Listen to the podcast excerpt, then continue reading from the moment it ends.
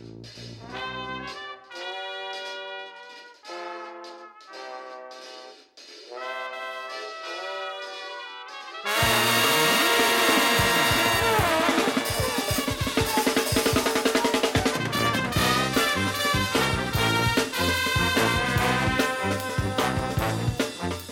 Helo a chroeso i benod 85 o Ysbeidiau Heilog gyda fi Lee Jones. A fi Llwyd Owen lle byddwn ni'n rhoi sylw i'r pethau bach sy'n gwneud gwahaniaeth mawr i ni yn ystod y cyfnod honco, bonco, di ben draw hwn.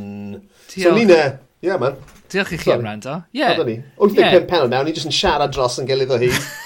Wel, oedd e- e arfer bod, ti'n modd, oedd ni'n dweud, y penod, uh, yn y cyfnod hollol honco hwn, a wedyn, taflu nôl at y person arall. Dyna beth oedd i arfer bod llwyd, ond ti di just... Uh, ti pwy awyr, pethau. Pwy awyr beth sy'n digwydd erbyn hyn, ond uh, ie, ni yn uh, bodlediad wythnosol, dyn ni, Lee? O, ydyn, diolch, diolch am y nod i ddangos i fi pryd i siarad, diolch llwyd, diolch gar iawn. Ydyn, dyn ni yma bob wythnos ac yn ddiolchgar i chi am rando ac am dan ysgrifo. Um, felly ie, yeah, diolch i chi am um, roi reswm i ni, wel... I fyw. Ie. Yeah. Bys ni ddim hyd yn oed yn gadael yng ngwely os ydw ddim am, pod, am y podlediad yma llwyd. Nac amdan y tîn a'r gwrandawyr.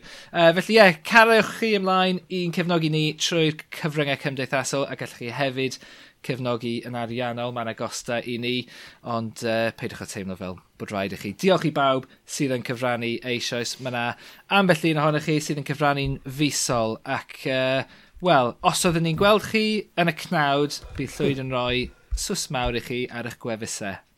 Ie. Yeah. A wedyn, byse, fi'n chi'n goffa talu hwnna hefyd. talu, talu fe'n ôl. uh, iawn dal iddyn nhw. Um, yeah, ta beth, dyma ni. Just y ddau ohonyn ni wythnos yma, Llwyd. Ie, yeah, ie, yeah, wir, ond, ti'n o, mae wedi bod yn ddwrnod lle mae'r uh, e, mae Cymru wedi dod ynghyd heddiw, yn enwedig ar y cyfryngau cymdeithasol. Um, Mae'n fod, ni'n ni, ni, ni recordio ar, uh, ar nos lun uh, heno. A nes i ddihuno bore yma ar ôl, a fi'n gwybod, nes i ddim cael lot o gwsg neithiwr chwaith, nes i ddim cysgu'n wych neithiwr. A ni bach yn grumpy bore yma yn, yn, yn, yn mynd at fy nesg. A, ti'n mo, ar ôl, ar ôl gwirio'r e-bist gwaith i weld beth oedd ar, ar ymlaen ti, troi at Twitter, a, ti'n mo, Ond na, ond na, ffucking furore eisoes yn berwi am tu a hanner di wyth o gloch bore yma. Falle oedd hi'n agosach at naw. Um, ond ie, yeah, oedd ei e, e gyd yn dod o'r ffaith bod Parc Cenedlaethol Banau Brycheiniog wedi cyhoeddi eh, bod nhw'n mynd i stopio defnyddio'r enw Saesneg am y parc mewn, ti'n modd, wel, ar lefel swyddogol. Eh, mm. Yn eitha tebyg i beth uh, Eryri a'r wyddfa uh, llynedd. A y ffordd wnaethon nhw gyflwyno hwn i'r byd oedd um, rhyddhau fideo gyda Michael Sheen. Oh, fi'n absolutely caru Michael Sheen, ond mwy am hwnna mewn munud.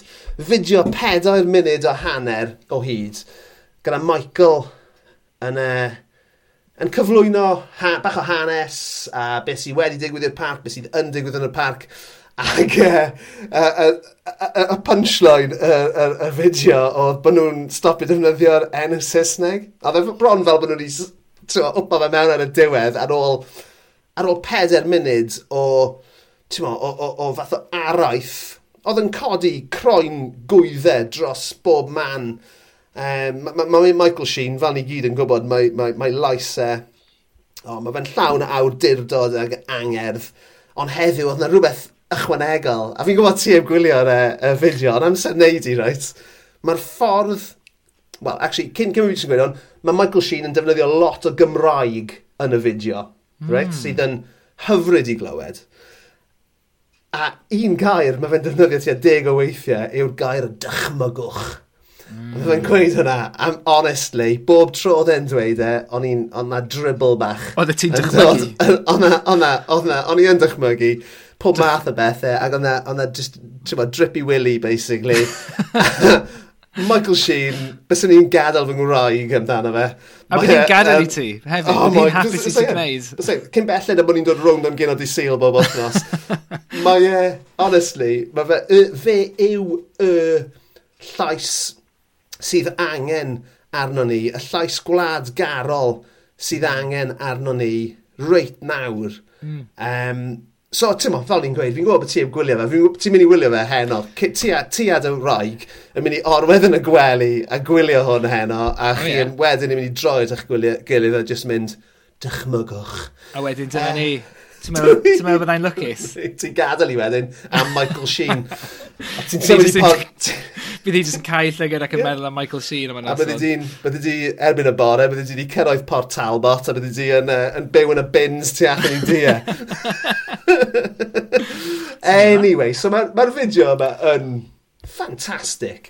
A ti'n mo, ti'n meddwl am, am, am y gwaith mae rhywun fel Tudur Owen wedi wneud dros y uh, be, dwy tair mlynedd diwethaf yma'n codi mm. ymwybyddiaeth o bwysigrwydd enwau Cymraeg um, ar yn, ti'n mo, dim dist yn tirnodau pwysig ni fel rolau fel Banau Brycheiniog, ond hefyd fel um, ar enwau tai a, ti'n mo, treithau, ceie, be bynnag. Enwau ceie, ie. Yeah. yeah. So, yn anochel, wrth gwrs, nath nath y fideo yma, a hefyd, ti'n ma, yr holl, y positifrwydd nath ddod yn sgil hyn gan bobl fel ti a fi, nath hwnna ddenu y Brit Nats allan, y Cymru gasawyr a'r Dix a'r Siones a'r Davids i gyd, i gwyno, i bod yn, i fod yn hiliol, a ti'n mo, heb sylwi am eiliad, mae'r enw Cymraeg wrth gwrs yw'r enw greiddiol. Achos oedd cymaint ohono nhw, uh, ti'n modd, er, fath o'r agwedd oedd, oedd how, how dare they, a ti'n modd, pan bod nhw'n, pan bod angen newid yr enw, mae ti'n byd yn bod yr enw Saesneg. Virtue signaling. Yeah, exactly. Ond on, on, dyma, a dyma'r, dyma, ti'n modd, dyma, dyma beth sydd yn digwydd dro ag ar ôl tro yn y sefyllfaoedd yma, yw, um, bod Saeson mor... Ehm, uh, well, dyn, dyn nhw just mor, maen nhw mor anymwybodol o hanes mm. yr mm. ynysoedd yma. Yeah. Dyn nhw ddim yn sylwi ti'n modd, bod na, bod na, oedd na ieithoedd mm. um, yma cyn Saesneg. D a, a, a, a a, eraill. Exactly. A, ma, a wedyn, amser mae rhywbeth fel hyn yn digwydd, mae ma, ma, ma fe'n codi i grychu nhw achos mae fe'n neud iddyn nhw'n deimlo'n llai hmm. prydeinig, reit? Mm. Mm. A, a, na, na, na, na, na fel dwi'n darllen i, anyway. So... Wel, dyna'r thing yw, ti'n dwi, os ti'n meddwl am pobl yn teimlo, ti'n uh, fel, mae yna ma diffyg hyder yn Saesnigrwydd ac ym Rhydeindod, achos, o'n i'n meddwl am hwn pnawn yma, be, be dwi'n gweld e yw wel, does na ddim fatha diwylliant brodorol Brydeinig, ti'n gwybod? Os wyt ti'n meddwl am, am Brydeindod mm -hmm. fel, ti'n gwybod, ffenomen, dim ond rhyw, wel, dwy neu tai cam mlynedd oed yw e, really, yn y bôn. A felly yeah. beth, beth sy'n na'n ddiwylliannol sydd yn Brydeinig? Wel, Nid lot, nid handle, achos oedd handle cyn hynna, wel oedd handle yn Almeinig, ond oedd ein, ti'n mwyn... Hei, dyna eb stop a dim un o'n nhw. Na, ond, ti'n mwyn, ond, ond ti'n mwyn, beth sy'n digwydd yw, ti'n mwyn, dechrau Prydeindod a, a dechrau um, meddylfryd, ti'n mwyn, Prydeinig, mae hynna dod gyda um, Nelson a uh, ymladd yn, el, yn erbyn Napoleon. Dyna, ti'n mwyn, y, y, y, y peth cyntaf um, i, i really cadarnhau'r syniad o, o Brydeindod ym Mhrydain, mm -hmm. a wedyn, tymod, a wedyn dych chi'n cael um, angladd Nelson, tymod, yn Llundain, nath ei gael uh, angladd ymerodraethol, na, ie, yeah, uh, ymerodraethol yw'r gair, dwi'n chwilio amdano fe, state funeral? Wel, nath ei gael, yeah. nath ei gael good old bash, ag, tymod, yn, yn, uh, yn St Paul's, um, a tymod, A dyma'r thing, a hwnna, fe oedd tymod, yr arwyr Prydeinig cyntaf. Wedyn, wel, beth sy'n digwydd ar ôl hynny? Wel, ail ryfel byd? Falle. Oh, Christ, still dining out on that one. Wel, ie, yeah, ond ti'n gwybod, mae hwnna'n rhyw, mae hwnna'n, ti'n can mlynedd, bron can a hanner um, mlynedd yn ddiweddarach. Ond ti'n beth, beth yw'r diwylliant yn, yn, yng nghanol rheina i gyd? Does na ddim byd. Mae yna pethau, ti'n bod, i, ti'n bod, mae yna pethau i, i hongian eich hetan na fe o ran Prydeindod a, a Prydein rwydd. A mae hwnna'n ffain, a mae hwnna'n, ie, yeah, oce, okay, ie, yeah, achos ti'n bod, oedd, oedd, oedd Brydain o dan warchau yn ystod yr ail ryfel byd, neu mod, ar ddechrau'r ail ryfel, e, yr ail rhyfel byd o leia. Ac um, mod, mae hwnna yn golygu rhywbeth i hunaniaeth bobl, a mae hynna'n ffain, a, a, mod, a mae hynna'n ddilys, mae hynna'n hollol, hollol ddilys, ond mod, pan mae'n dod at ddiwylliant, wel, mod, be sy'n na heblaw am Shakespeare sydd yn really, tymod, yeah, yeah. sydd, sydd yn well, gadarn, sydd yn gadarn ac yn gyffredin a sydd ddim yn rhyw traddodiad werin o, o fewn rhyw rhyw manna bach. Felly, felly jyst na ddim ystyriaeth mwy eang um, yn Lloegr byswn i'n dadle, jyst na ddim ystyriaeth mwy eang wedyn o y posibilrwydd o um, diwylliannau a hunaniaethau gwahanol o fewn yeah. yr un ynysoedd. Mae ma, ma, ma, ma na ffeileddau o ran y ffordd mae hanes yn cael ei um, gyflwyno hefyd, fi'n meddwl. Mm. Achos mae'r ffocws, hyd yn oed yng Nghymru, mm. um, tan mis Medi nesa, neu mis Medi yma, um, ar hanes Lloegr, reit? Mm. A heb he, he, roi unrhyw ystyriaeth i'r hanes Celtaidd, os dwi mm. hyd yn oed yn cael defnyddio'r gair yna mwyach, um, oedd fan hyn cyn, brythoneg te. Mm. Um, a Wel, yeah, dyma'r thingy, mae'r hanes o'r Normaniad, 1066, pob dim fel yna. Mae hwnna, ma hwnna mor mor bwysig i hanes yr ynysoedd, a mae'r Normaniad yn bwysig iawn i hanes Cymru, ond dydy, dydy brwydr Hastings ddim yn golygu dim byd os nad ydych chi'n ystyried y 500 mlynedd sydd yn arwain at hynny yeah. a ti'n gwybod, y rhufeiniad yn gadael a pob dim, yeah. bod, hwnna yw beth yw'r tirwedd a dyna pam mae normaniad yn dod yn golygu unrhyw beth yeah. a ti'n bod, dyn ni ddim yn dysgu am hwnna achos yr oesoedd tywyll o dde. ond... Y, y, y, pwynt yn y mynd i ddweud yw bod, bod, bod, nhw, bod na, fel mae yna blinds, blinds mae yna mae yna blind spot llwyr mm. am hanes yr Alban, Alban Cymru Iwerddon, yeah, yeah, Cernyweg, o fewn Prydeindod. Oes. Um, ac felly, mae yna ddiffyg ymwybyddiaeth o pa mor hen yw, mm. er enghraifft, yr iaith Gymraeg, yr, mm. yr iaith sy'n cael ei siarad, ti'n mor, yn yn ail yn unig i Loegr ar yr ynysoedd yma. Mm. A mae yna bobl, o, o, o ddarllen yr ymatebion heddiw, mae lot o bobl yn Lloegr ddim yn gwybod bod na iaith Gymraeg yn bodoli i ddechrau. Maen nhw wedi cael sioc heddiw i weld hyn. A mae hynny jyst yn adlywyrchu mor wael arnyn nhw. Ag, a wedyn mae yna ma real... Um, Ti'n gwybod, mae yna ma ma ma arrogance llwyr amdano, achos maen nhw'n... Ma, y teimlad arall i ti'n cael, yr emdeimlad arall i ti'n cael o ddarllen yma yw, bod nhw'n gweld ei hun fel, ti'n ma, mae Cymru jyst yn rhan o Lloegr. Dyna, mm. ti dal yn gweld e heddiw yn dod trwyddo. Um, so wedyn mae gyda ti...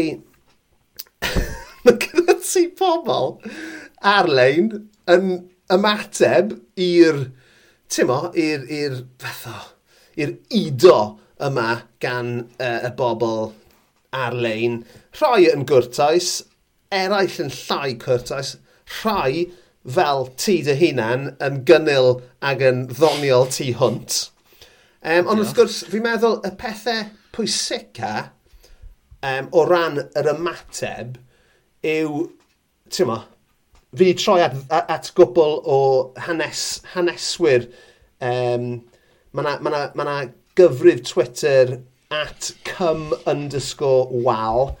Uh, Cymru a Wales, fi'n meddwl, uh, mae hynny yn cyfeirio at sydd yn uh, rhannu uh, pethau yn wneud â hanes Cymru. A mae fe'n esbonio, mae'r ma, ma, ma, ma, ma neges ar Twitter yn reiddiol yn Saesneg, ond dwi wedi cyfieithu fe achos bod ni yn bodlediad Cymreig. Uh, Banau Brycheiniog uh, yn golygu The Peaks of Brycheiniog a enwyd ar ôl teirnas Brycheiniog a sefydlwyd gan Brychan Brycheiniog.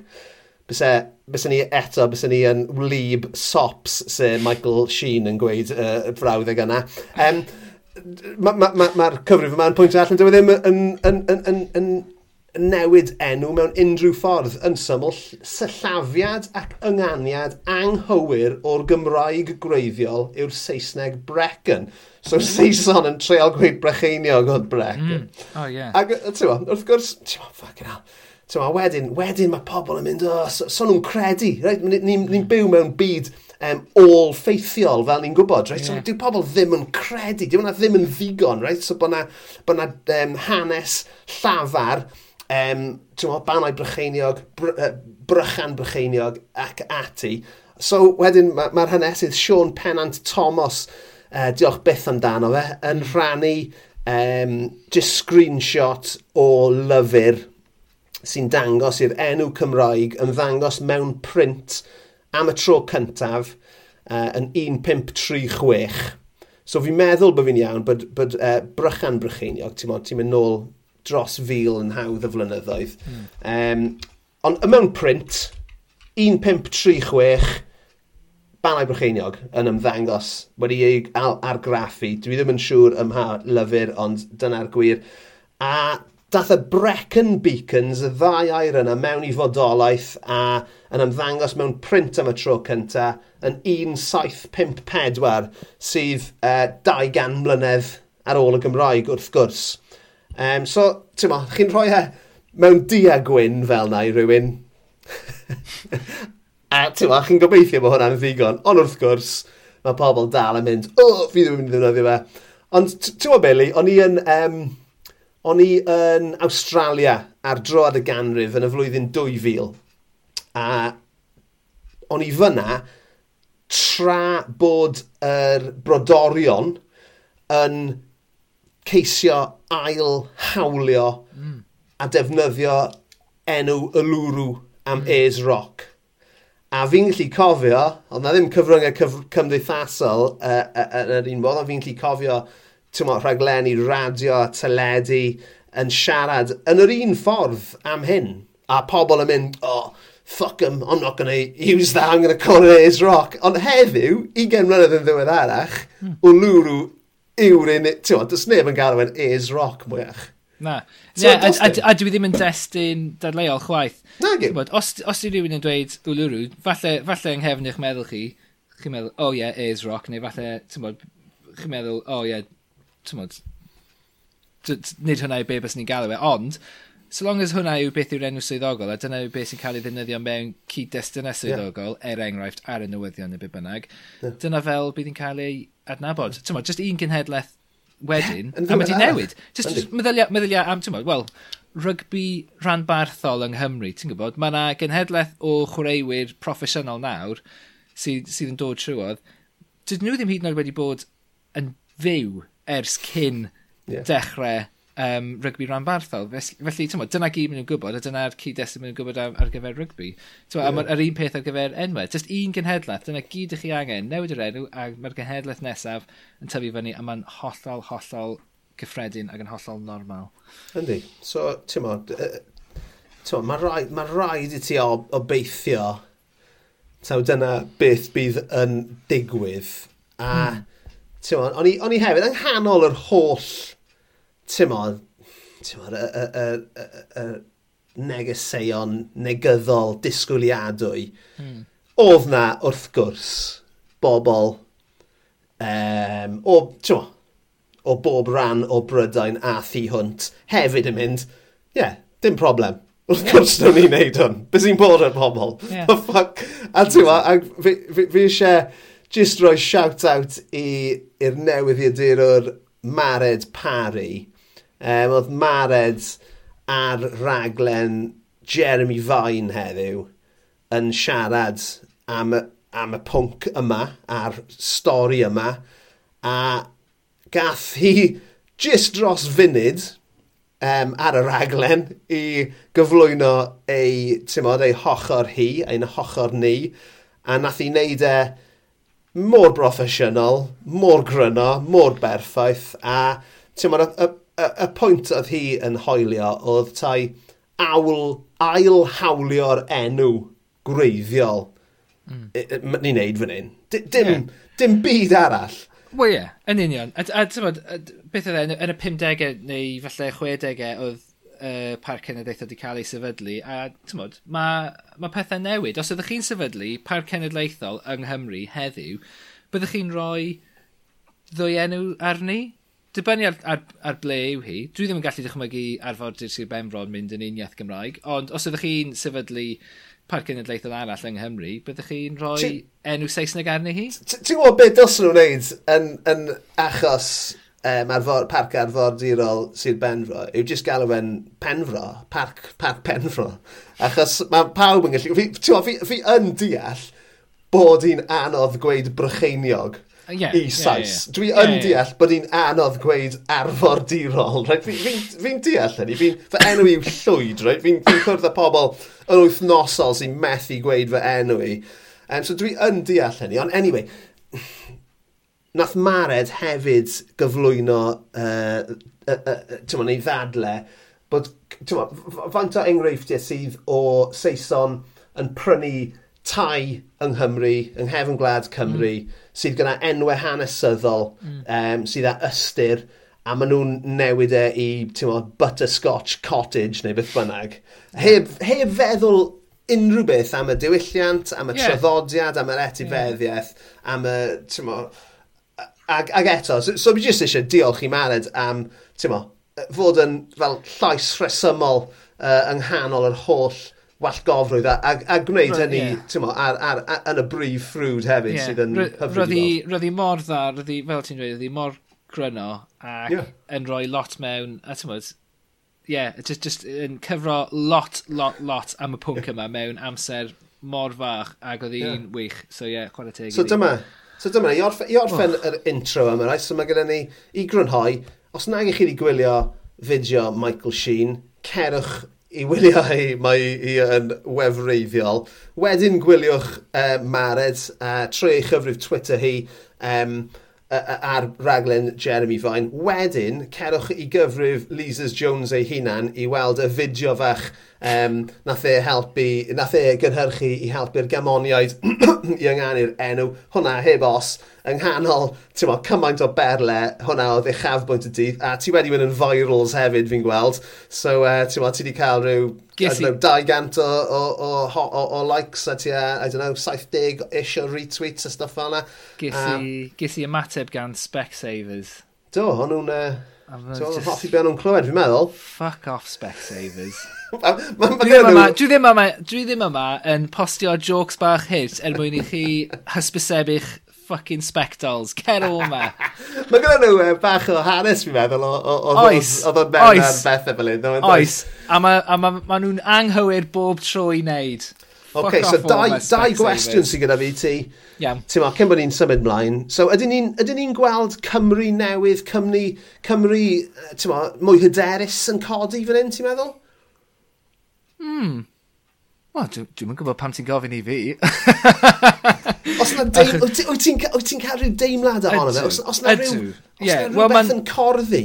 Mae na, ma na rhywbeth, a mae'n dod nôl at yma beth o'n i'n dweud just, just o'r blaen wedyn am gynhedlaeth Tewa, newid pethau, a wedyn mae'n cymryd cenhedlaeth newydd i'r newidiadau yma setlo mewn. A mae hynny'n digwydd gyda'r iaith Gymraeg, fyswn ni'n dweud, achos mae gen ni'r genhedlaeth yma nawr, ers um, sefydliad y cynulliad yn, yn reiddiol, um, cyn y Senedd, a hefyd um, gwneud hi'n angenreidiol i ddysgu Cymraeg yng Nghymru tan, um, tan i chi adael ysgol. Mae hynny wedi gwneud well, mae wedi normaleiddio'r iaith rhywfaint. Mm. Um, ie, yeah, okay, falle di safon, ti'n mo, di safonau ddim yn dda, a safon y dysgu ddim yn da, mewn, mewn lot o ysgolion um, iaith Saesneg, a mae hynny, ti'n mod, mae hynny angen cael ei wella, ond beth mae yn gwneud yw, mae'n mae gwneud yr iaith yn weladwy, a mae, a, a mae hwnna wedi, mod, mynd trwodd nawr, a, a mae yna gynhedlaeth newydd sydd yn gweld um, sefydliadau fel y Senedd ac yn gweld um, yr iaith yn cael ei ddefnyddio a mae jyst yn hollol normal. Dwi e ddim, ti'n modd, i, tymod, pobl fel ti a fi, ble, tymod, wrth edrych yn ôl ar fy... Achos tymod, o'n i'n ffodus iawn i, i gael fy magu gyda mam a dad oedd yn siarad Cymraeg a, ac iddyn nhw anfon fi ysgolion Cymraeg.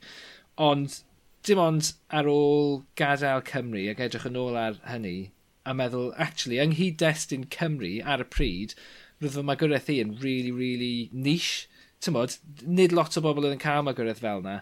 Um, a ti'n gwybod, uh, o'n i'n lwcus iawn i gael hynny, achos dwi wedi, ti'n bod, cael y, y, y, y manteision o, o hynny. A, a dwi'n dwi dadnabod di, mae gen i'r podlediad bach hefyd yma llwyd, oherwydd hynny. Ond Ond mae'r cyfleoedd hynny a mae'r manteision hynny nawr ar gael i lot mwy o bobl ar draws Cymru. Achos, mm. achos y newidiadau yna 20 mlynedd yn ôl sydd just nawr yn dechrau dod trwodd a mae'n yna gynhedlaeth yeah. yma sydd yn tyfu fyny gyda nhw ac, ac wedi arfer gyda nhw. Yeah. Hwna ddyn cwestiwn, beth oedd y llall?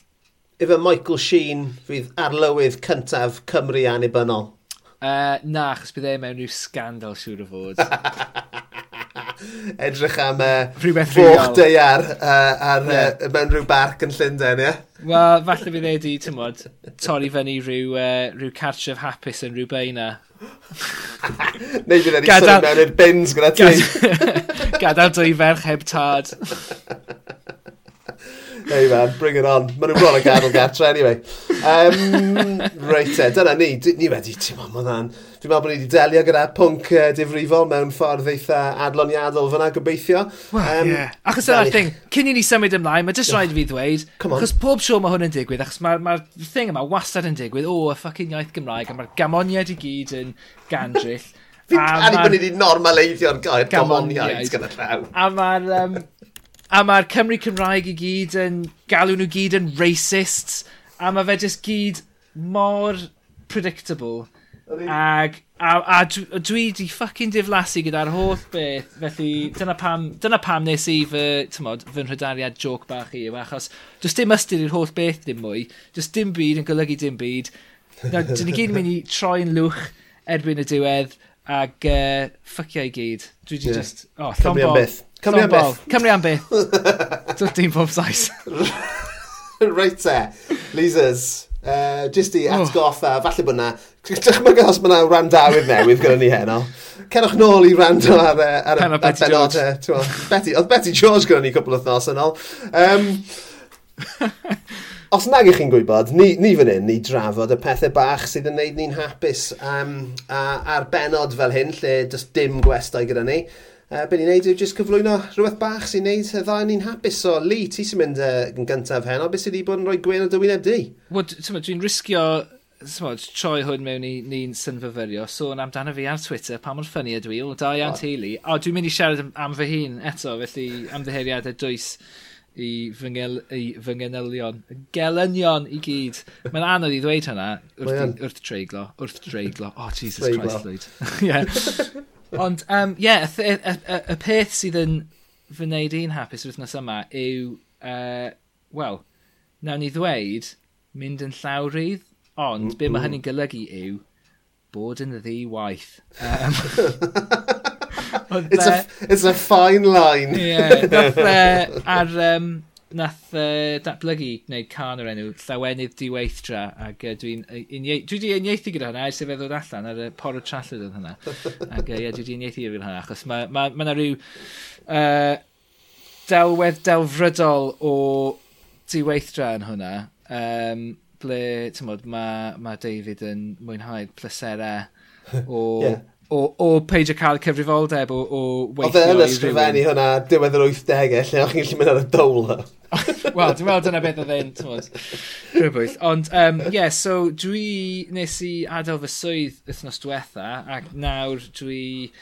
Uh, dwi, wel, ie, yeah, fod i'n dweud, ysgen i ddim waith. Uh, ond, felly os ydych chi'n gwrando, ydych chi eisiau rhoi unrhyw fath o waith, please, na, please. Nath, nath y podlegend yma cael ei enwebu am blincyn uh, gwobr podlediadau Brydeinig. A ti'n gwybod be?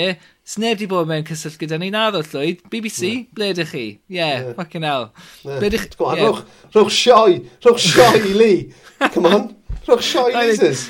Oh, anyway, Dwi ddim, dwi ddim mor desperate a hynny. Na, dwi yn. Ond... Um... Ti definitely yn.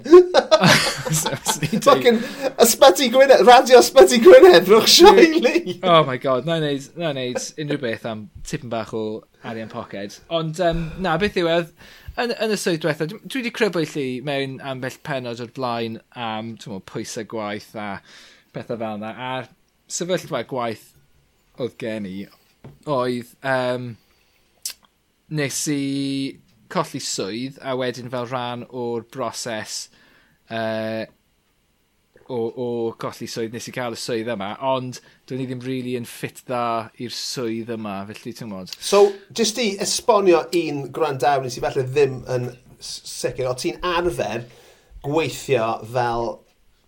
Wel, o ti'n ti, o ti ysgrifennu darnau newydd i'r dirol oedd yn rhoi cyfle i ti ymchwilio pynciau a mynd yn reit ddwfwn i bethau, reit? Ie, yeah, a wedyn nes ti adael y swydd yna a mynd i weithio i uh, bapur newydd yn gogledd ddwyrain Lloegr, sydd basically, os chi'n dychmygu fel, I don't know, Wales Online, ond gwath. Ie, ie, ie, ie. Yeah. yeah, well, well dyna'r thing yw, Wales Online yw un o gwefannau newyddion mwyaf prydau. Oh A felly, tymod, maen nhw'n cael ei, tymod, maen nhw'n cael ei weld fel rhywbeth i'w, i'w ddilyn, really. Go fel... iawn! Ydyn? Wales Online yw un o'r gwefannau gweitha yn y byd. Ond y ffordd maen nhw'n, y ffordd maen nhw'n denu pobl a'r straeon maen nhw'n gwneud, okay. a'r ffordd maen nhw'n rhannu'r straeon hynny, mae hwnna'n ma hwnna cael ei weld fel... Um, yeah, well, really, mae hwnna'n really best ddol, practice yn y ddiwydiant. Effernol. Mae'n brofiad effernol. Ti'n gwybod, ti'n gwybod, mae gas gen i gweld... Ond, ond os maen nhw eisiau rhoi job i ti, ti dal eisiau fe, dweud? O, ie, ie, ie. Wel, na, na. ddim. Dim ond, dim ond os i... Wel, ti'n gwybod, bydd y job, bydd y job dwi eisiau ddim yn dod fyny gyda nhw. Na. Sef, ti'n gwybod, crafu fy nghen ac yeah, uh, cael yeah. lot o arian amdano fe. Ond, ie, uh, yeah, so, ti'n gwybod, o'n i di mynd o, ti'n gwybod, o'n i mewn cynnal adleddau wasg gyda, ti'n gwybod, Mark Drakeford yn gofyn cwestiynau iddo fe, mynd o hwnna at um, uh, gwneud straeon am, ti'n bod, cwn yn ffeindio esgidiau. Um, daigi bach. Mae'n swnio um, fel bod ti'n joc am hwnna'n wir. a wedyn, nes i wneud stori unwaith am, am gi, ac uh, nath rhywun roi sylw o dan fe am uh, beth oedd e. Oedd rhywun, rhywun wedi camdrin ci, ac um, oedd nhw wedi cael ei ddedfrydu oherwydd hynny, ac um, uh, rhywun wedi rhoi sylw dan fe yn dweud, oh, these people should be named and shamed, same as the paedophiles.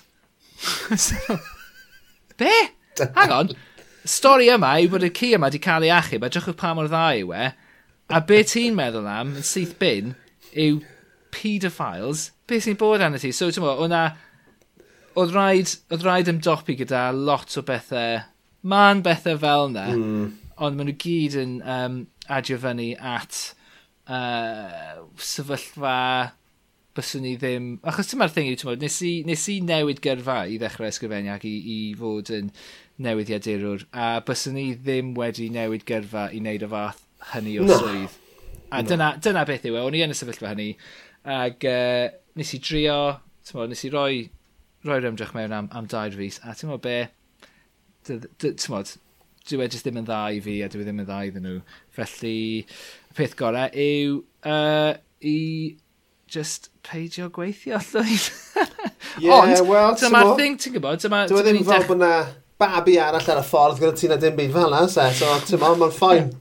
Ie, wel ie, dyna'r cyhoeddiad i gwrandawyr, mae'n ail fabi ar y ffordd, gyn bo hir. so, um, lot o bwysau i ffeindio gwaith, so os di BBC yn gwrando, ydw i wedi dweud bod y podlediad yma wedi cael ei enwebu ar gyfer, podle, ar gyfer wobr podlediad Prydeinig. Anyway, um, Just dim ots gen i, dwi'n misio job. Bydd Lee anyway. ar gael am y fel y slot canol nos tan bedwar o mis oh. gorffennaf ymlaen. o, o hyd, o hyd. Ond, um, ond dyma'r thing, dyma fi'n dechrau, dyma yr wythnos yma, yn meddwl, o, dyma fi, wythnos cyntaf fel rhywun yn gweithio llawrydd, ac uh, mae gan Aida, sy'n fy merch sydd yn bedar, mae ganddi hi frech i'r ieir. Felly, just fi a hi A dim incwm. Oh, yeah. just, just gwario ar sweet sy'n gadw fi'n hapus. so, um, so yeah, so mae hynny wedi bod yn dechrau da i'r bywyd llawrydd, ond, um, yeah, bechod arni hi. Mae hyn yn well, well Ti'n mo, i, i ddod mewn i'r sgwrs yma, nes i fynd yn llawrydd yn mis Rhagfyr 2020, fi'n meddwl. Falle 2021 ie, yeah, 2020 wrth gwrs yng nghanol y pandemig, wrth gwrs nes i golli'n swydd, um, a mynd yn uh, llawrydd. A ar y pryd, o'n i yn wirioneddol cachu'n hunan, achos o'n i'n meddwl, o oh, na, sa'i byth yn mynd i gael gwaith eto. Um, ond dwi'n neud o'n oes, dwi'n dwi, caru bod yn llawrydd am yr hyblygrwydd uh, sy'n dod gyda hynny, sydd yn siwtio fi fel rhywun sydd yn ceisio ysgrifennu nofel y flwyddyn, Uh, dim nofel y flwyddyn. un, un nofel. O'n i'n fi yn treol, fi yn ceisio ysgrifennu, ond fi wedi methu yn llwyr dros, dros y blynyddoedd. Un nofel bob blwyddyn. Oeddet ti'n agos degawd yn ôl llwyd, ond dyna ni, dyna oedd y cyfle gorau. 2019, actually, so na, dim o'r bell na hynny, ond... Um, mae fe, ma fe yn rhoi opsiynau i fi a ma, mae fe jyst yn rhoi, mae jyst yn, yn gadw i fi ddewis pryd dwi'n gweithio, a mae hwnna mm. yn amazing, so, ti'n mo, a mae'r ma, ma hyblygrwydd yn anhygol, ond y, y peth dwi ddim yn hoffi yw, bob tro dwi'n gorffen darn o waith, dwi yn meddwl, oh, oh shit. shit, falle bydd na ddim mwy yn dod mewn nawr, beth. Yeah. Um, hyd yn hyn, fi'n cyffwrdd a desg pinwydd fy nhad, A, uh, tymod, dwi'n dwi, dwi gobeithio, bydd hwnna'n yn, yn parhau achos um, dwi wedi bod yn, yn lwcus iawn um, o, ran, o ran y gwaith dwi wedi derbyn. Um, Shout-out i Cymen, a Met Caerdydd uh, ag y Tebol. Big love. Ac, um, ti'n mo, so, so mae ma, ma, ma fe yn gadlu i, i, i fi ganolbwyntio wedyn amser mae angen mm. ar fy ngwaith creadigol. Ond, ti'n mo, So just pob look i ti man, just pob look i ti man, achos mae ma, ma, ma, ma fe daunting. Mae fe'n daunting. Ydy. Ie, yeah, dyna'r thing yw, ti'n just, uh, achos oedd yr hen swydd na, e, oedd e'n ddrwg i fi ac yn ddrwg i, yeah. i fi iechyd meddwl. ag, Uh, ti'n gwybod, nawr dwi'n mewn sefyllfa sydd yn ddrwg i fi iechyd meddwl, ond mae'n ddrwg mewn, mewn ffordd hollol gwahanol. Yeah. Ti'n gwybod, mae'n ma ddrwg mewn ffordd ble mae gen i rhyw faint o reolaeth dros yr amodau. Dwi'n dwi, ffodus iawn wedi wedi gallu, wedi yn y, y sefyllfa ble dwi wedi gallu just dweud, a, a, a dwi'n dwi gwybod hwn yn iawn pa mor ffodus ydw i a freintiedig ydw i i wedi gallu mynd, dwi ddim yn hoffi'r job yma, dwi jyst mynd i adael. Yeah, um, man. Achos mae hynny yn rhywbeth sydd yn freintiedig iawn. Um, tywod, diolch i tywod, fy mhartner i sydd yn gweithio llawn amser. Yn, galed iawn, ac yn feichiog iawn. Mae dal yn yeah. gweithio yn really galed, so yn diolch byth amdani. Yn union. So, dwi'n... Dyn ni... Dyn ni'n mynd i fod yn... Mae'n mynd i fod yn tuff os dwi ddim yn cael arian, ond... Tymod, bydd i wedi bod yn tuff. Achos, ti'n o'n i ddim yn, yn ennill lot arian yn yr hen job na chwaith, felly, ti'n ma'n o man i fi colli job sy'n sy ddim yn talu lot. Ond anyway, yeah. so ie, yeah, dyna'r thing, dwi'n teimlo'n, dwi teimlo hyderus achos fel ti'n dweud, y ryddid na sydd gen i nawr, a, a dwi'n gallu hel meddyliau mewn ffordd o'n i ddim rili'n really gallu gwneud, a gallu canolbwyntio ar bethau mewn ffordd sydd yn... Uh, Wel, mae, obviously mae'n gweddi'n well, a mae'n ma, gweddi'r gwaith yn well, mae'n gweddi y gwaith dwi eisiau gwneud yn well, achos mae gen i y, y lle yna i feddwl ac i, i baratoi ac i, yeah, well, ac well, i fynd ati. Fel, fel fi, ti'n berson creadigol hefyd, a mae'n ma, ma, ma bwysig mae'n bwysig diwallu yr mm. angen creadigol yna, yr angen i greu hefyd, ac mm. i, mo, i, i, i dyrchu ac i archwilio ac i ymchwilio mm. um, ac i ysgrifennu. A, mo, os oes unrhyw un eisiau gweld tystiolaeth o allu ysgrifenedig Lises Jones. Cerwch arno i'w gyfrif tryderau a chwiliwch am i, um, i, i erthigolau e am datblygu, erthigol reit ddiweddar. Yn, yn beth, ble, ble gath hwnna i gyhoeddi, sa'n lli cofio? Ar uh, The Quietus. The Quietus, wrth gwrs tawe. A mae'r ysgrifennu ar hwnna yn wefreiddiol. So, ie, yeah, Bys ni yn gweud hynny, os unrhyw un yn gwrando a sy'n ffansio taflu bach o waith llawr i, i, dy gyfeiriad, mae hwnna'n lle wych, gwych iawn i ddechrau. Ti yn lot rhy yn llwyd, felly diolch yn fawr i ti. Ac ie, uh, yeah, ti'n meddwl, beth yw'r pwynt cael podlediad on i bai eich bod chi yn gallu fod mor, ti'n bod, wel, hyn o'n... Hey. Be bynnag. Yeah. Ond ie, yeah, dyma ni. Dyma, hi'n anhyrwyddo. Mae'n rhaid hunan hyrwyddo. Os, os, yeah. os nag y ti wneud e, pwy sy'n mynd i wneud e? Hunan hwrddo, more like. Ie, yeah, yeah, um, mae'n opsiwn. Wastad yn opsiwn. so ie, yeah, um, diolch i ti Llwyd. So, dyna ti gan amdano fi. Dwi, dwi bron y teimlo chwil yn siarad amdano fy hun gymaint a hyn yn, uh, yn gyhoeddus. Ond ie, uh, yeah, beth amdano ti Llwyd? Beth sy'n dyna di'n hapus? OK, okay, so, yr wythnos hon dwi eisiau rhannu gyda ti a'r gwrandawyr fy, fy nghariad i at le bach ar Ynys Môn o'r enw Troeth Coch. Nawr, mae'r pasg newydd fod, ond mae fy merch hennau yn swatio yn galed am ei haroliadau tygau sy'n dod lan mewn rhyw 2-4 wythnos. So oedd hi yn gyndyn iawn i adael Caerdydd, ond yn y, yn y pen draw, wnaethon ni i pherswadio hi bod hi'n iawn i ni fynd am gwbl y ddyddiau lan i weld Nainia Gramps yn traeth coch. A ti'n gwybod be, fi, fi, fi yn eog o cymryd y pus allan o fy ynghythrails i ar y podlediad yma, ar fy mhodlediad cynt. Um, dwi'n meddwl bod fi wedi galw fy mam yng nghyfraith yn Brexit on two legs cyn hyn. Uh, mae hynny dal yn wir, ond ti'n gwybod be, o'n i'n desperate i fynd lan. Um, dim, dim o'r reidrwydd i'w gweld nhw, ond i weld y traeth coch. Um, Mae'n lle godidog, maen nhw'n ma nhw byw yn, ll yn llythrenol ar y traeth. Mae Mae um, gardd nhw, uh, chi'n cerdded allan o'i, oi giat nhw ar weilod yr ardd a chi ar y traeth a ambell waith mae'r llan nhw yn dod mor bell, mae'n dod mewn i'w dreif nhw.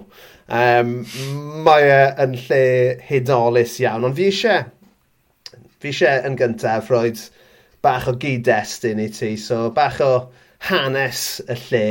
Um, mae fe ar ochr ddwyreiniol yr, uh, yr ynys. Ddim yn bell o benllech, agos iawn at bentraeth. Um, mae yna gofnodion cyferbyniol ar-lein o ran ble dath yr enw traeth coch. Mae yna rai yn sôn, gan gynnwys y Wikipedia Cymraeg, mae ma, ma, ma fe'n sôn bod yna frwydr rhwng y Cymru, y, y llwyth um, lleol a'r llychlynwyr y Vikings uh, ar y traeth um, nôl tua 1-1-7 dim a drodd y môr yn goch gyda gwaed.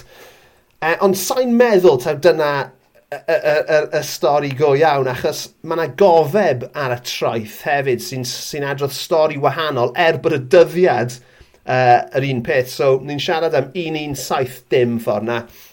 A na i ddarllen i ti beth sydd ar, yr, ar y gofeb. Mae'n gweud yn dilyn marwolaeth Owain Gwynedd yn 1175, torodd brwydr chwerw rhwng ei feibion dros pwy fyddai'n etifeddu'r hawl i reoli teirnas Gwynedd. Y weithred gyntaf ar y gwrthdar o hir hwn oedd y frwydr ym Mhen Traeth, neu ar, ar, ar y traeth, uh, ger lle mae pent, pentre pentraeth heddiw, lle lladdwyd Howel ab Owain Gwynedd, yr etifedd tybiedig a enwebodd ochr yn ochr a'i chwe brawd maith. A hynny gan ei hanner brawd Dafydd Ab Owain Gwynedd.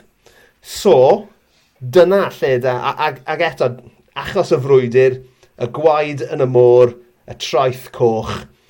So, fi'n meddwl taw dyna'r stori go iawn, a sa'n gwybod ble da. Falle, falle oedd yna lychlynwyr yn rhan o'n fe, achos o'n nhw o gwmpas uh, ar yr adeg hynny, uh, ond dim, dim, dim brwydr rhwng Cymru a llychlynwyr oedd i sa'n meddwl. Anyway, ers hynny, 1170, traeth coch. Mm. Yn, yn, yn, yn, y ddeunawfed ganrif, fi'n meddwl tua 185 rhywbeth, dyna pryd mae'r enw Saesneg Red Wolf Bay, a mae hwn yn clymu mewn gyda be o'n i'n siarad am yn gynharach, right? Mm. Achos, so mae hwnna 600 mlynedd yn ddiweddarach, dyna pryd dyma'r enw Saesneg yn dod mewn i, i ddefnydd, ac wrth gwrs, tan 1850, sa'n lli dychmygu bod yna lot o bobl nad oedd yn siarad y Gymraeg yn byw yn yr ardal, reit? Ie, yeah, pan byddwch chi'n defnyddio... Pan byddwch chi'n cyfieithu yn hytrach na Saesnigeiddio'r enw? Ie. Yeah. Ti'n gwybod beth dwi'n meddwl? Ie, yeah, ie. Yeah. Pam, pam nid ti'n gwybod? Cock Beach. Fel cas Castle Cock. Ie. Yeah. Dydd, wrth gwrs. Ond, yeah, ond, ond, ond ti'n gwybod beth? So, so falle bod fi'n neud Falle mae, ti'n eto, ni wedi gweud hyn ganwaith ar y podlediad yma. sy'n neb yn dod fan hyn i gael, i gael i ffeithiau. Um, achos, nawr mae fi'n meddwl, ti'n o'n i'n meddwl, o'n i'n gweud falle bod dim lot o bobl yn siarad Cymraeg, uh, siarad Saesneg yn yr ardal. Ond wrth gwrs, oedd, um, oedd bai traeth coch uh, a porth, oedd na borthladd yna o'r 15fed ganrif tan 1909. Um, oedd yn lle, lle o'n nhw'n mewnforio glo ac yn allforio copr a calchfaen o fynydd Paris. Um, ar ben hynny, oedd y lle hefyd yn enwog am uh, hanesion o smyglo. A mae'r hanes yna yn parhau hyd heddiw, achos amser mae'r hael yn braf yn ganol awst, ni'n siarad budgie smugglers Llywyd Owen. So, uh... Traeth cock. so, so think, exactly. So ti'n gwybod, mae na, so oedd na um, bobl o lefydd arall yn dod i'r ardal. Ond mm. mae'n ma diddorol, ta, dim ond yn, mo, yn, yn, yn y ddeunawfed ganrif nath, nhw, nath, y, nath y Red Wolf Bay yma am ddangos um, mewn print am y tro cyntaf. Ond mae'r lle just yn amazing, man. Mae'r lle just yn hyfryd. Mae'na... Felly, disgrifio fe, achos ma, okay. dwi, dwi dim ond jyst wedi edrych ar, ar luniau nawr am y tro cyntaf, er bod ti wedi yeah. sôn yeah. yn faith amdano fe i fi o'r blaen. Ond, ie, yeah. yeah, dydw ddim be o'n i'n disgo, achos pan mae yeah. rhywun yn sôn am eu hoff traeth nhw ar Sir Fôn, mod, os, mae gen i ddelwedd yn ymhenni, fel, mod, mae pawb yn gwybod be mae traeth Llanddwyn yn edrych fel, mm. a mod, dyna be mae pobl yn meddwl pan maen nhw'n meddwl am ddelwedd o draeth Ie, ie. Wel, ie, dwi e- e ddim yn...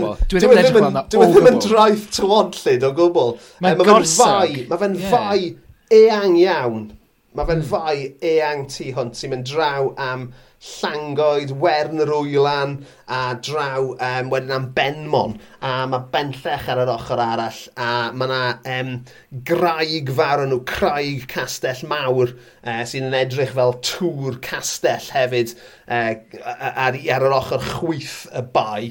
Um, ond ie, yeah, fel ti'n gweud, mud, mud flaps, mud plain yw e, go iawn. Mm. Ond sydd ddim yn, sy ddim yn edrych yn, yn gret am sy'n mae'r llanw allan, ond am sy'n mae'r llanw mewn, mae fel llyn. Mm. A mae jyst yn, mae just yn hudol.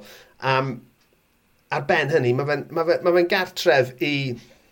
Um, oh, just canoedd o adar ac anifeiliaid, right? So, mm. so dros, y, dros y, y, y deuddydd nes i, nes i halaf yna uh, yn ddiweddar, nes i weld nifer o bibyddion y tywod, oh, sandpipers, yeah. E, uh, cryrod glas a gwyn. Mae nes i gyfru e, uh, 18 creu'r gwyn, sef egrets, sydd wedi symud yna um, yn, yn y ddegawd ddiwetha beth sy'n ni'n gweud, a maen nhw nawr yn nythu fyna drwy'n y flwyddyn. Um, canoedd o hwyaid a gwyddau. Mm. Nes i weld loads o hebogiaid, um, cwbl o wywerod coch, llwyth o gwningod a ffesantiaid, a yn reit ddiweddar, yn, yn gardd fy ynghythrails, mae gyda nhw um, fel pwll dŵr fel naturiol, ti'n mm. fel po, po, wild pond, reis. A nath yn, nath yn mam yng Nghyfraith i ffilm o dwrgi yn nofio yn yr pwll dŵr. Yeah. Yn yr ardd. Mae hwnna yeah. yn amazing. So, mae'n hudol, man. Yeah, Mae'n ma absolutely hudol fyna. A, a mae'r ma ochr, ma ochr yna o Sir Fôn hefyd yn teimlo fel ti wedi just colli cyswllt a gweddill y mm. byd. Wel, well, ti'n croesi'r ti'n croesi'r bont a mae'n teimlo fel ti wedi colli cysylltiad a gweddill y byd. Yn ddiddorol i ti, so cerdi i ochr um, gorllewinol yr, yr ynys, ochr Tudur Owen fel, mm. fel mae pawb yn galw hi ar yr ynys. um, does, na, na braidd dim coed ar yr arfordir? Fi'n gwybod bod yna goed pinwydd, yeah. eh, dim pinwydd, mae yna goed bythwyrdd uh, ochrau llan, lla, um, ochre Llanddwyn a Niwbwrch. Ond os ei di lan yeah. tuag at Caergybi, does na braidd dim coed ar yr wrth yr arfordir. A fi'n meddwl achos bod e just mor agored fyna, so mae'n bach... Well, I suppose, ie, yeah, mae'r ma tywydd yn dod o'r gorllewin yn diwe, felly mae hynny'n gwneud synwyr. So, so mae hi'n lot mwy cysgodol ar ochr ddwyreiniol yr ynys, a mae'n mm. mae wyrdd iawn. Dwi ddim... Mae'n teimlo'n eitha diffaith mewn mannau, ar yr ochr gorllewinol.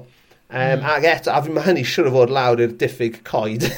And ti eisiau gofyn y peth gore am traeth coch a beth ti'n caru hwn achos mae fe mor heavy metal. Nid, ma hwn, ma hwn, what? Nid y dyfrgwn yn yr ardd gefn? Mae hwnna, ma hwnna yn cool, na i roed na i ti, ond... So mae ma, so ma gyda ti ar un, un ar ochr benllech y uh, uh, uh, bai, mae gyda ti pentref um, Traeth Coch, lle mae'r ship in a'r boathouse a clwstwr o dau a maes carafanau. A wedyn mae gyda ti, sym, mae sym gyda ti lot o dau wedyn o gwmpas y bai. Uh, a mae, ma tŷ fy yng i reit yng nghanol y bai. So rhwng tŷ fy yng i a y pentref bach traeth coch, mae'r ma, ardal yna, yr ar, enw ar yr ardal yna yw Iffern. Yes. Yes. Mae hwnna yn amazing. Heavy metal, top of the class. Felly, pam, pam uffern? Ti'n gwybod be? Does dim syniad i fi. A mae'n anodd iawn i ffrind o unrhyw, gyfa, gyfa, um, unrhyw fath o gyfarwydd i dati ar-lein. Yr unig, um, yr unig uh, fath o enghraifft dwi wedi gweld ohono fe yw ar hen fap yn y taf, mae yna dafarn ar tafarn yn y bai yw enw e, ar, e, e, e mewn un o'r e, maes carafanau neis, ochr y benllech. Mae yna hen fap fyna, a na lle nes i weld e. e effern, ddim yn bell o fy tŷ, fy mam a'n had yng Nghyfroedd. Mae hwnna just... Love it. Yeah, man. Amazing. Wel, mae hwnna yeah. just yn hyfryd. So, pa mor... Wel, yn fanna nath Lisa cael ei fagu, Na, na, Lisa, isa, na, maen nhw wedi symud, ma'n, ma'n, mam yn tad yng Nghyfraith wedi symud yna rhyw 15 mlynedd yn ôl, so... Okay, so ti Na'r unig le mae fy... Ie, yeah, na'r unig le mae fy, um, mae fy mhlant i yn cofio maen nhw'n byw, ti'n mo? Yeah, yeah, a mae yeah. maen nhw mor lwcus yn cael mynd yna, achos, ti'n mo, fel ti'n gweud, amser mae'r llanw allan, mud plane yw e. Yeah.